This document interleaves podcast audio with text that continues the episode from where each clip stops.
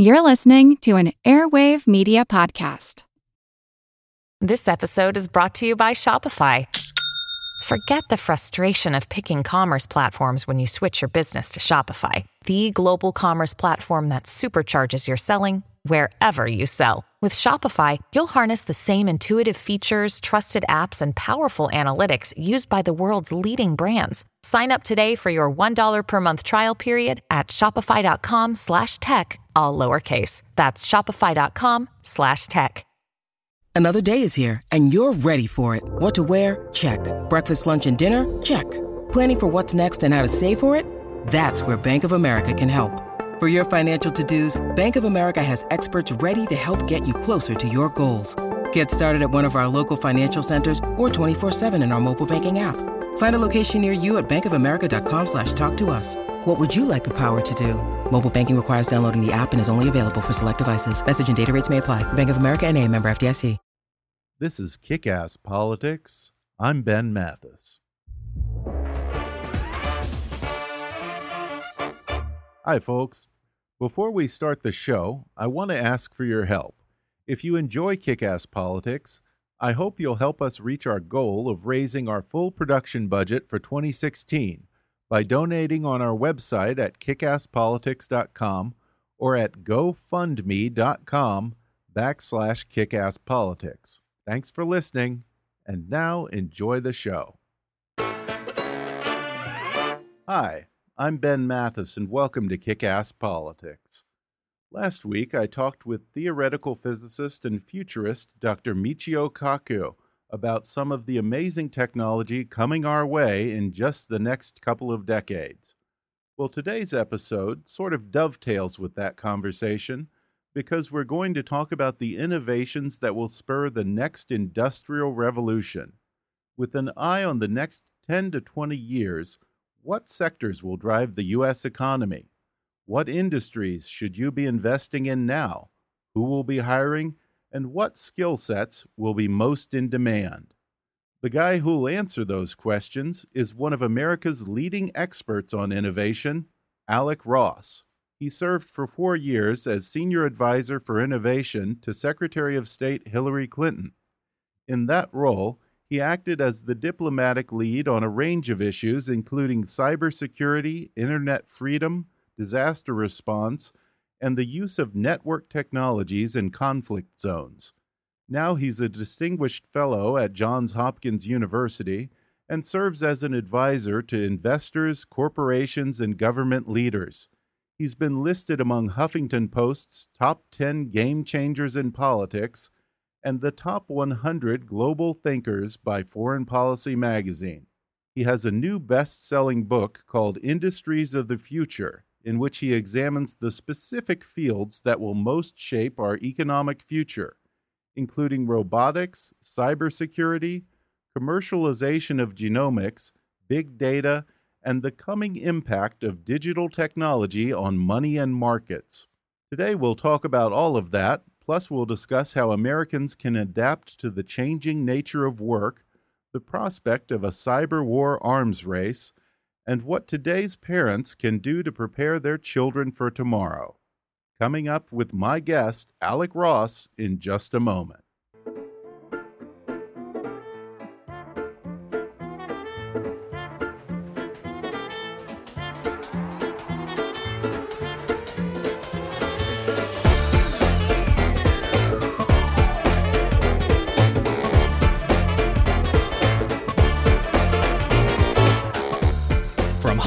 To Washington, it's time for Kick Ass Politics. And now here's your host, Ben Mathis. Alec Ross, thanks for joining me on the podcast. Great to be here. Well, you have a new book called Industries of the Future, which has been doing extremely well, and it raises some interesting questions about the next big economic revolution. Um, you grew up in West Virginia, coal country, and as a young man, you saw your classmates you know, we're mostly kids of coal miners who didn't prepare and adapt to globalization and emerging industries in the last couple of decades. Is that part of why you decided to write this book to prepare people? That's exactly why I wrote this book. You know, I, have been really lucky. You know, growing up a public school kid in West Virginia, who's achieved, you know, a little bit of professional success in life. And you know, I got to tell you, the kids who I went to school with back in West Virginia, I believe are made of exactly the same stuff as the people who are at, at the absolute heights of the business world and the political world. You know, I think that talent is universally distributed, but opportunity is not. So the reason why I wrote the industries of the future was for folks who are, you know, either getting out of college now or parents who are thinking about what skills their kids need to try to light a little path about what's going to happen in the world next economically to give them a fair shot. Yeah, and you cover five industries, but you start off with robotics. Um, now, there are a lot of people out there who say robotics is going to be different than previous industrial revolutions in that it's probably going to take away more jobs than it's going to create. Are they right? You know, unfortunately, I think they are. You know, I'm a hmm. mostly optimistic person, and I have a I have a mostly optimistic view of the future most people who write books about the future are either utopian, oh, we're going to live to be 150 years old, happy, wealthy, wise, wanting for nothing, or dystopian, you know, written from sort of the fetal position with fists clenched. I think life is a little bit more up the middle, um, neither utopian nor dystopian. But on this topic of robotics, uh, I do think that it is going to take away more labor than it creates. I think the robots of the cartoons and movies from the 1970s are going to be the reality of the 2020s. And certain things that you bring up here would lead me to think that we may be lagging behind on this because you talk about countries like Japan and South Korea may be ahead of us because we've had cheap, easily available immigrant labor. So we haven't had to to to make big advances in robotics yet. And also you talk about psychologically, the West is far more skeptical of robotics and far more uncomfortable with it, with it than, say, Japan. No, you're absolutely right. It's fascinating. You know, in Western societies like ours, we are taught to fear that which we animate, which perhaps we ought not. So, from Icarus and his waxed wings to Prometheus bringing fire to humans to Frankenstein. You know, we're told, you know, be really careful about, you know, trying to make things human or bring things to humans that we shouldn't. But by contrast, Eastern societies don't have that cultural baggage. And what's more is where those of us who are Christian and Western uh, view robots and robotics as soulless. And, you know, look, I view that myself. I view them as inanimate pieces of machinery with code inside. In Japan, for example, 80% of Japanese people practice a religion called Shinto, right. which believes in animism, which believes that all objects have souls. And so they have less compunction about creating robots that do things like take care of elderly grandparents than, say, we would in the United States. Now, the United States still does great work in robotics you know, of the 196 countries on planet Earth, you know, the five that ma- matter most are the United States, Germany, Japan, South Korea, and China. But I do see South Korea and Japan in particular really racing out there ahead of us because they are they have a cultural disposition to robotics and they don't have the low cost immigrant labor to do things that, you know, they have to build robots to do in South Korea and Japan. Yeah, and going back to the other question earlier, how do we adapt if there are going to be fewer jobs? Is it just a question of we want to be at the top of that job pyramid and, you know, whatever country's at the bottom it's just too bad for them? So I think so I think that we have to approach this in two ways. First of all, we have to make sure that if we are moving into a world with more artificial intelligence and more robotics, let's make sure the headquarters for those big old robotics companies and artificial intelligence companies, let's make sure they're American so that, you know, the headquarters are here, the taxes they pay are American taxes, the engineers that are hired, you know, the well-being let's let's make it American. So that's thing 1. Now, that helps that helps a lot. But it doesn't necessarily help the kind of folks who I grew up with. You know, I worked as a midnight janitor when I was in college to help put myself through college. And the kinds of guys who I worked shoulder to shoulder with on the janitorial crew, you know, it doesn't necessarily help them that much if the headquarters of the big robotics company is in the US. So the second thing I think we need to do is we need to take a good hard look at segments of our education system like vocational ed and community colleges, which maybe not, maybe people don't talk a lot about at the cool kids table. But you know what? Vocational education and community college serve millions and millions and millions of people. And what we've got to make sure is that the kind of education being delivered for those very vulnerable Americans puts them in positions where they can tell the machines what to do instead of the machines telling what them what to do. Because those are the segments of America where you know what they're not going to become the highest end engineers and they're not going to become entrepreneurs. So let's make sure we aren't just cast them off to the side of the road you know? Yeah and that's an interesting point because you do talk about the need to re-educate people and give them new skill sets and to me, it seems like that would be a huge leap because in many cases, you're talking about taking people from low skilled service worker jobs to high tech jobs of the future. Realistically, we're not going to take someone who has a GED, you know, all the way to a PhD in robotics. So we're not. How do, how do we bridge that chasm? So the way way we do it, first of all, is we have to focus on young people. You know, we've got to focus on people as the as the economy grows more global, being mediocre at your job, where the best attribute you have for that job is a set of strong shoulders, mm-hmm. you know, look, you're going to be decreasingly competitive in a global economy. And so, what we have to do is make sure that the educations that people are getting are mapped to areas of high growth. Now, that could be as a plumber or as an electrician. You know, these are forever are, are going to forever be in demand. A good plumber will always be well compensated and needed. But what we can't do is continue to try. It, it was we can't prepare people for an industrial and manufacturing based job that just doesn't exist anymore. And so, what I'd love to see us focus on is trying to get the manufacturing for things like robotics in the United States and training people here in the US so that they can add real value and help us create an advanced manufacturing sector here, like we see happening uh, through much of the U.S. right now, including in the Rust Belt. Yeah, and another one of the big industries that you talk about, um, which I covered last week in some detail with Michio Kaku, is life sciences and genomics. Um, you say that the drug development process is not keeping pace with genomics advances and the need for these personalized treatments that we're going to have. Um, are we going to hit a wall at some point where we have the information, but we don't have the drugs to fix the problems?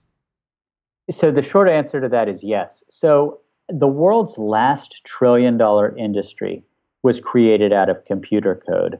The world's next trillion dollar industry is going to be created out of genetic code you know, we're now about 15 years past the mapping of the human genome. So we are going, and, and we're finally at the point where we have the computing power and the data sets to be able to do the kind of early diagnostics and precision medicine development that has been hoped for for a long time.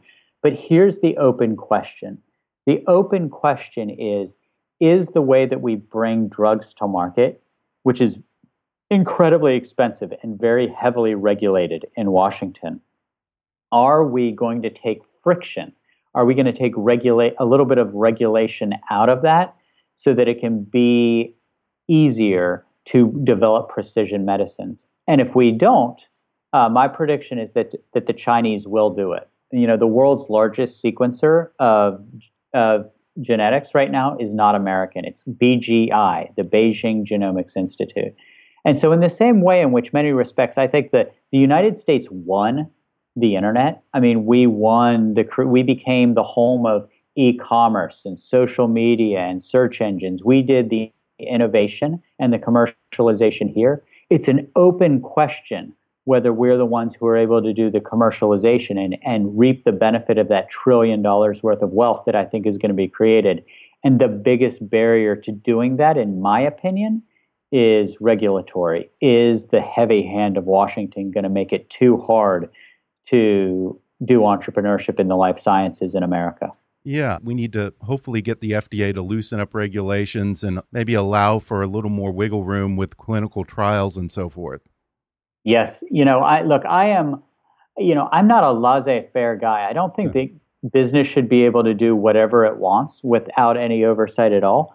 But what I do believe is that government should be in the business, at least in for the most part, in enabling entrepreneurship. You know, making life for business people, for inventors, for innovators easier as opposed to harder. Yeah. And so, what I want to make sure is that the people in the white coats who are doing the you know drug creation are not held back by the guys wearing the white shirts and the red ties in Washington.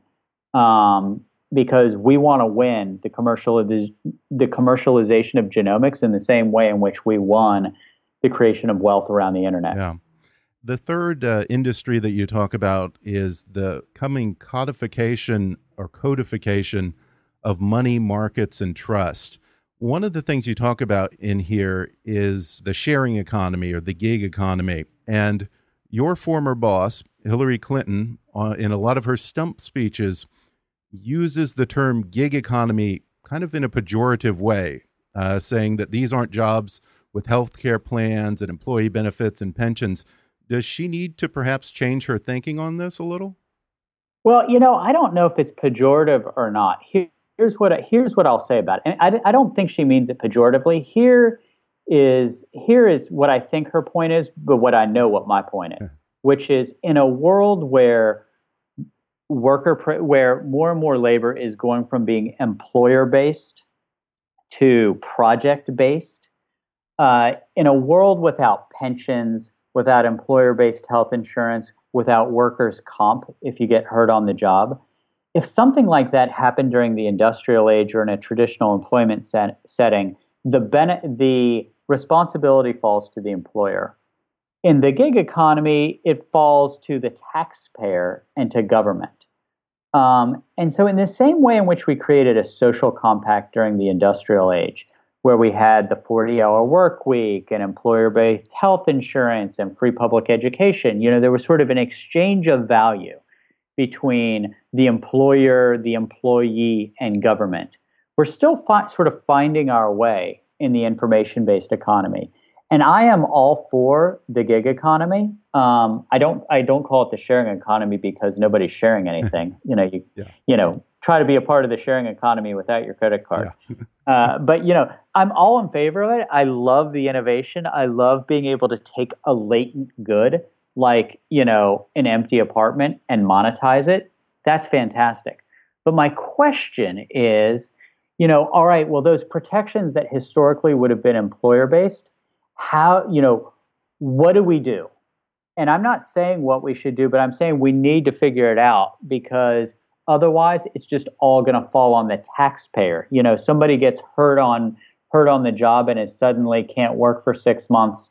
Well, they're getting unemployment insurance and they're on Medicaid. You know, so hmm. we got to think about what the the social contract is. Well, it seems that millennials don't care so much about these traditional job benefits. If they're able to be their own boss and have more free time and flexible schedules, I think that a lot of millennials are okay with not having employer health care or job security. My sense is that for most of them, that's an acceptable trade off that they're willing to make. Yeah. So if you're a millennial, these are far off concerns. So this is one of the things where you we aren't really going to have to this is most this will be most pressing in 10 15 20 years when people who got their start in the sharing economy suddenly have kids when people do start getting hurt on the job when they do suddenly suffer for not having pensions so you know if you're a millennial or if you're a new immigrant who's just happy to be in america and you know getting some money in your wallet it's great but as the basis for 30 years of employment, it's trickier. Mm-hmm. Now, I do think some frameworks will be created. Like, look, I, I, think that there's a billion dollars to be made out there by somebody who comes up with the, you know, insurance scheme for the sharing economy. Hmm. Uh, you know, so my whole thing is let, let's not bash the sharing economy or the gig economy. Let's be really creative. Think about what the gaps are, and then you know, take a market-based approach to filling the gaps. So if we don't have workers' comp insurance, health insurance, or pensions if you're a part of the gig economy.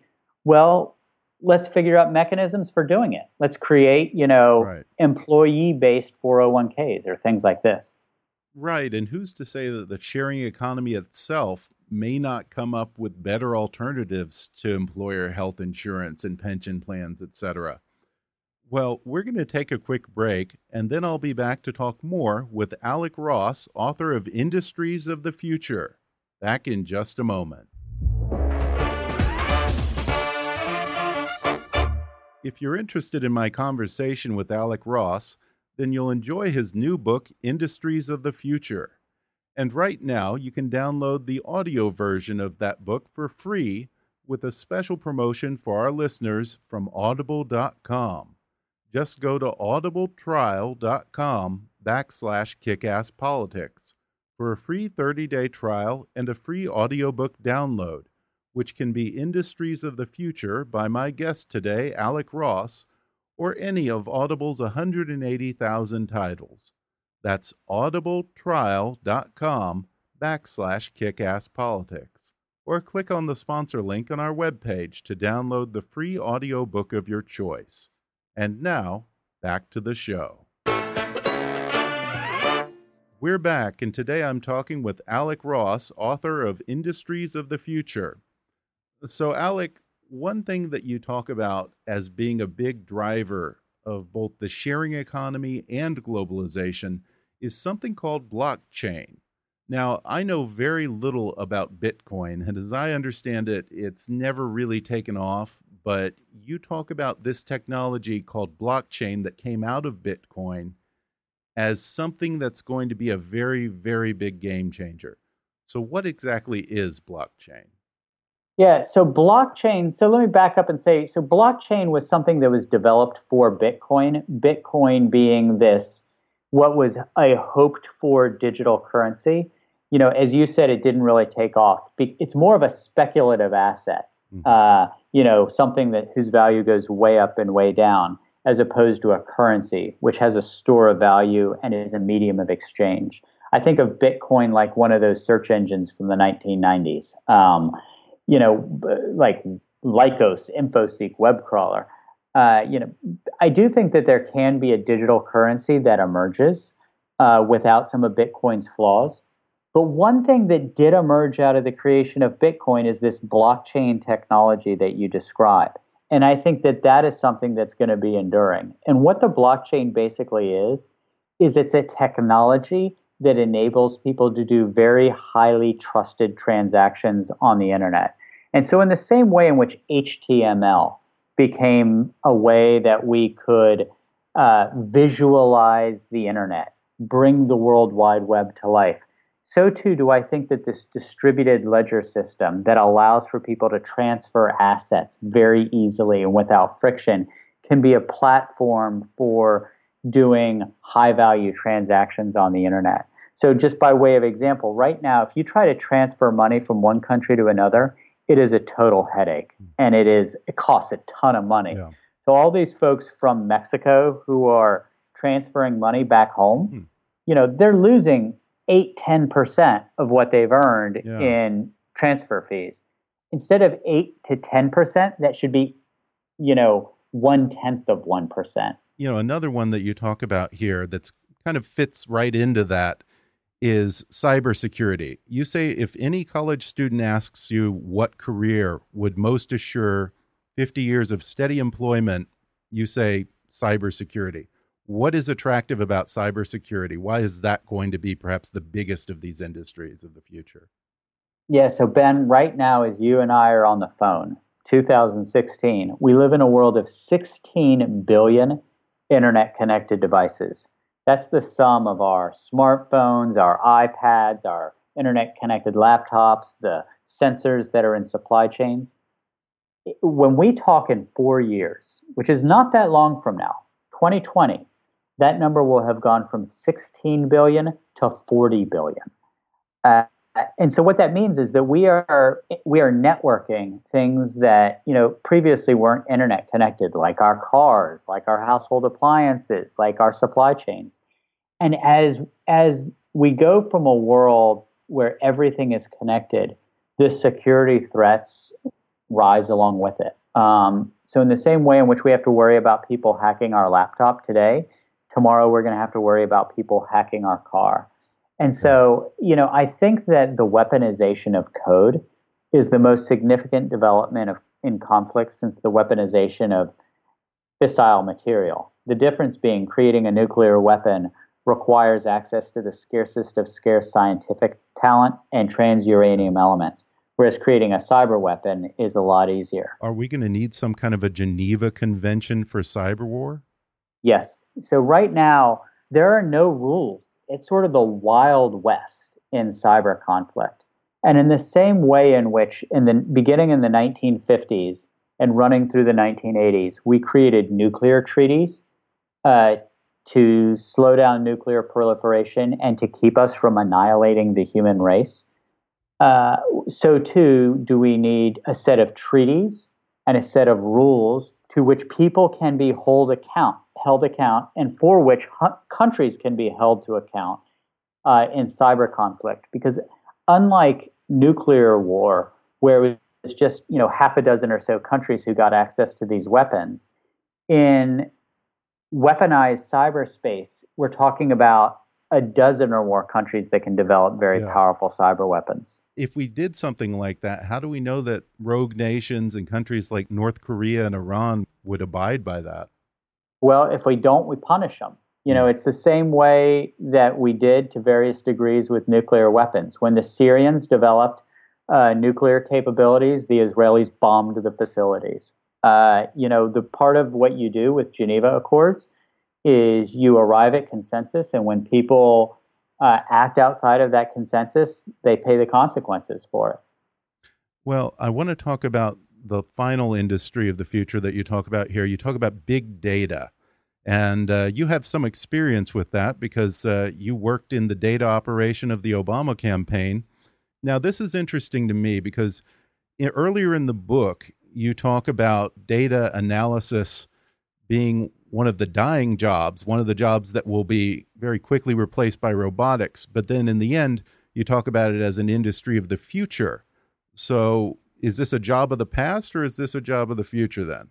I, th I think that land was the raw material of the agricultural age, iron was the raw material of the industrial age, and data is the raw material of the information age. So I think that the kind of data analytics uh, that are being developed today are going to be a very big and very important part of our future. And what's industry, what's going to be interesting about it is it's not going to be so much a standalone industry unto itself as these data analytics are going to infuse through other industries. So, like agriculture, uh, you know, agriculture integrating big data analytics, I think can can help us grow more food, better food, and healthier food. You know, so I, I actually think that big data analytics are going to have a very are, are going to help us transform a lot of you know quote unquote traditional industries. Yeah. Um, who are going to be the winners and losers in the industries of the future? Well, I think that the the winners on a country by country basis, I think that the winners are going to be those countries that are most open. Uh, and what I mean by open is they allow upward economic and social mobility uh, for people from all social classes. They create environments that lend themselves to creativity, uh, commercialization, and entrepreneurship. The the ones that I think are going to be the big losers are going to be the more closed societies where things are dictated from on high, where cultural norms are set set from central authorities. You know, if you look at the mm-hmm. places that are the most creative and that are creating the industries of the present, they tend to be places that are wildly open. And I think that that's going to be true in the future. Going to individuals, I think that those who are most adaptable uh, to change and most willing to change are going to be those that are positioned to compete and succeed. You know, it's not going to be the case that when you graduate from college, you get a job and you stay with that employer for 30 years. You know, we've got to be increasingly adaptable, mobile, and lifelong learners. Uh, so, so, on an individual basis, that's who I think is going to do well. Yeah, and it's interesting because many of the issues you grapple with in the book mirror what I would euphemistically call the conversations going on in this election. The, the resistance to globalization and free trade and immigrants replacing jobs here. Um, are there some people who are just going to be victims of their own stubbornness? Yes. Perhaps? Look, I think that, and this is a case where I fault the far left and the far right. You know, I think that, you know, where I grew up in West Virginia, working class West Virginia, there's a lot of anxiety. And I see people going to socialism in one political extreme and fascism in another political extreme. Because, in my opinion, both social, socialists and fascists are giving people, are pointing fingers at who's to blame uh, for globalization and economic stagnation. And I find that to be incredibly unproductive. Yeah. You know, for me, I, I, I say, look, the world is growing more global, whether we like it or not. You know, we're not going to be able to become a neo mercantilist country. The question for me is how do we make sure that the United States becomes the headquarters for all the industries of the future? How do we make sure that these great jobs that are going to be created, because we've got some incredibly smart, well educated, imaginative people here, how do we get the jobs, how do we get the, the companies headquartered here, the jobs created here, and the people educated to staff them here? So that's where I'm really focused in all this. Well, before we go, I just want to ask you real quickly about the last chapter in the book. It's called The Most Important Job You'll Ever Have. And you say you asked everyone you interviewed for the book, what are the attributes today's kids will need for the industries of the future?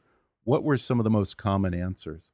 You know, one thing that surprised me, but it totally makes sense now that I think about it, is interdisciplinary learning. So every, you know, there's a lot of focus on STEM education, science, technology, engineering, and mathematics, mm-hmm. and that's justifiable. But I became increasingly convinced as I interviewed people that the people who are going to be the real leaders in the industries of the future are going to be people who are comfortable with things that are technical, scientific, or technological, but they combine that with some of the skills from the humanities, like great communication skills or behavioral psychology. You know, I point to Mark Zuckerberg and Facebook as an example. Everybody thinks of Facebook as a product of a, you know, computer scientist from Harvard, Mark Zuckerberg, and that's true. But what I believe is that Facebook became as big as it is as much because of Mark Zuckerberg's understanding of behavioral psychology as much as because he was a good computer science coder. And so I think that one of the key attributes for tomorrow is interdisciplinary learning. Interesting. Well, people better catch up or get left behind. The book is called The Industries of the Future by Alec Ross. Alec, thanks so much for joining me. Thanks for having me, Ben. Thanks again to Alec Ross for coming on the show. And if you enjoyed today's episode, I'd encourage you to read his new book, Industries of the Future. I'll include an Amazon link where you can order it in the show notes for this episode and on our website at kickasspolitics.com.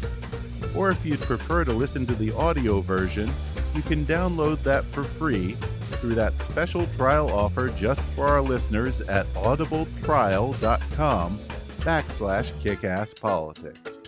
You can follow Alec Ross on his website at alecross.com or on Twitter at, at AlecJRoss. Be sure to subscribe to Kickass Politics on iTunes and leave us a review while you're there. And if you really want to help us out, then donate to our GoFundMe campaign at gofundme.com backslash kickasspolitics or click on the donate button on our website at kickasspolitics.com. Follow us on Twitter at, at KAPolitics or visit Kickass Politics on Facebook and recommend Kickass Politics to your friends on all of your social media. As always, I welcome your comments, questions, and suggestions at comments at kickasspolitics.com.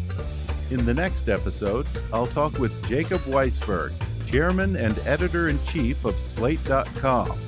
Like many in the media, he has a perverse obsession with Donald Trump and he's indulging that obsession with his new semi daily podcast called Trumpcast. Jacob and I will talk about all things Donald Trump, from how the whole Trump phenomenon happened in the first place, to the prospect of a contested convention and his chances in the general election. We'll cover his oft bragged about deal making skills and compare that with his real track record as a businessman. We'll also talk about what it's like to be part of Donald Trump's traveling press corps. Plus, Jacob will reveal what he's learned about what women, minorities, Muslims, and even psychologists have to say about the Donald. Coming up with Jacob Weisberg, editor of Slate.com, on the next podcast. But for now, I'm Ben Mathis, and thanks for listening Kick Ass Politics.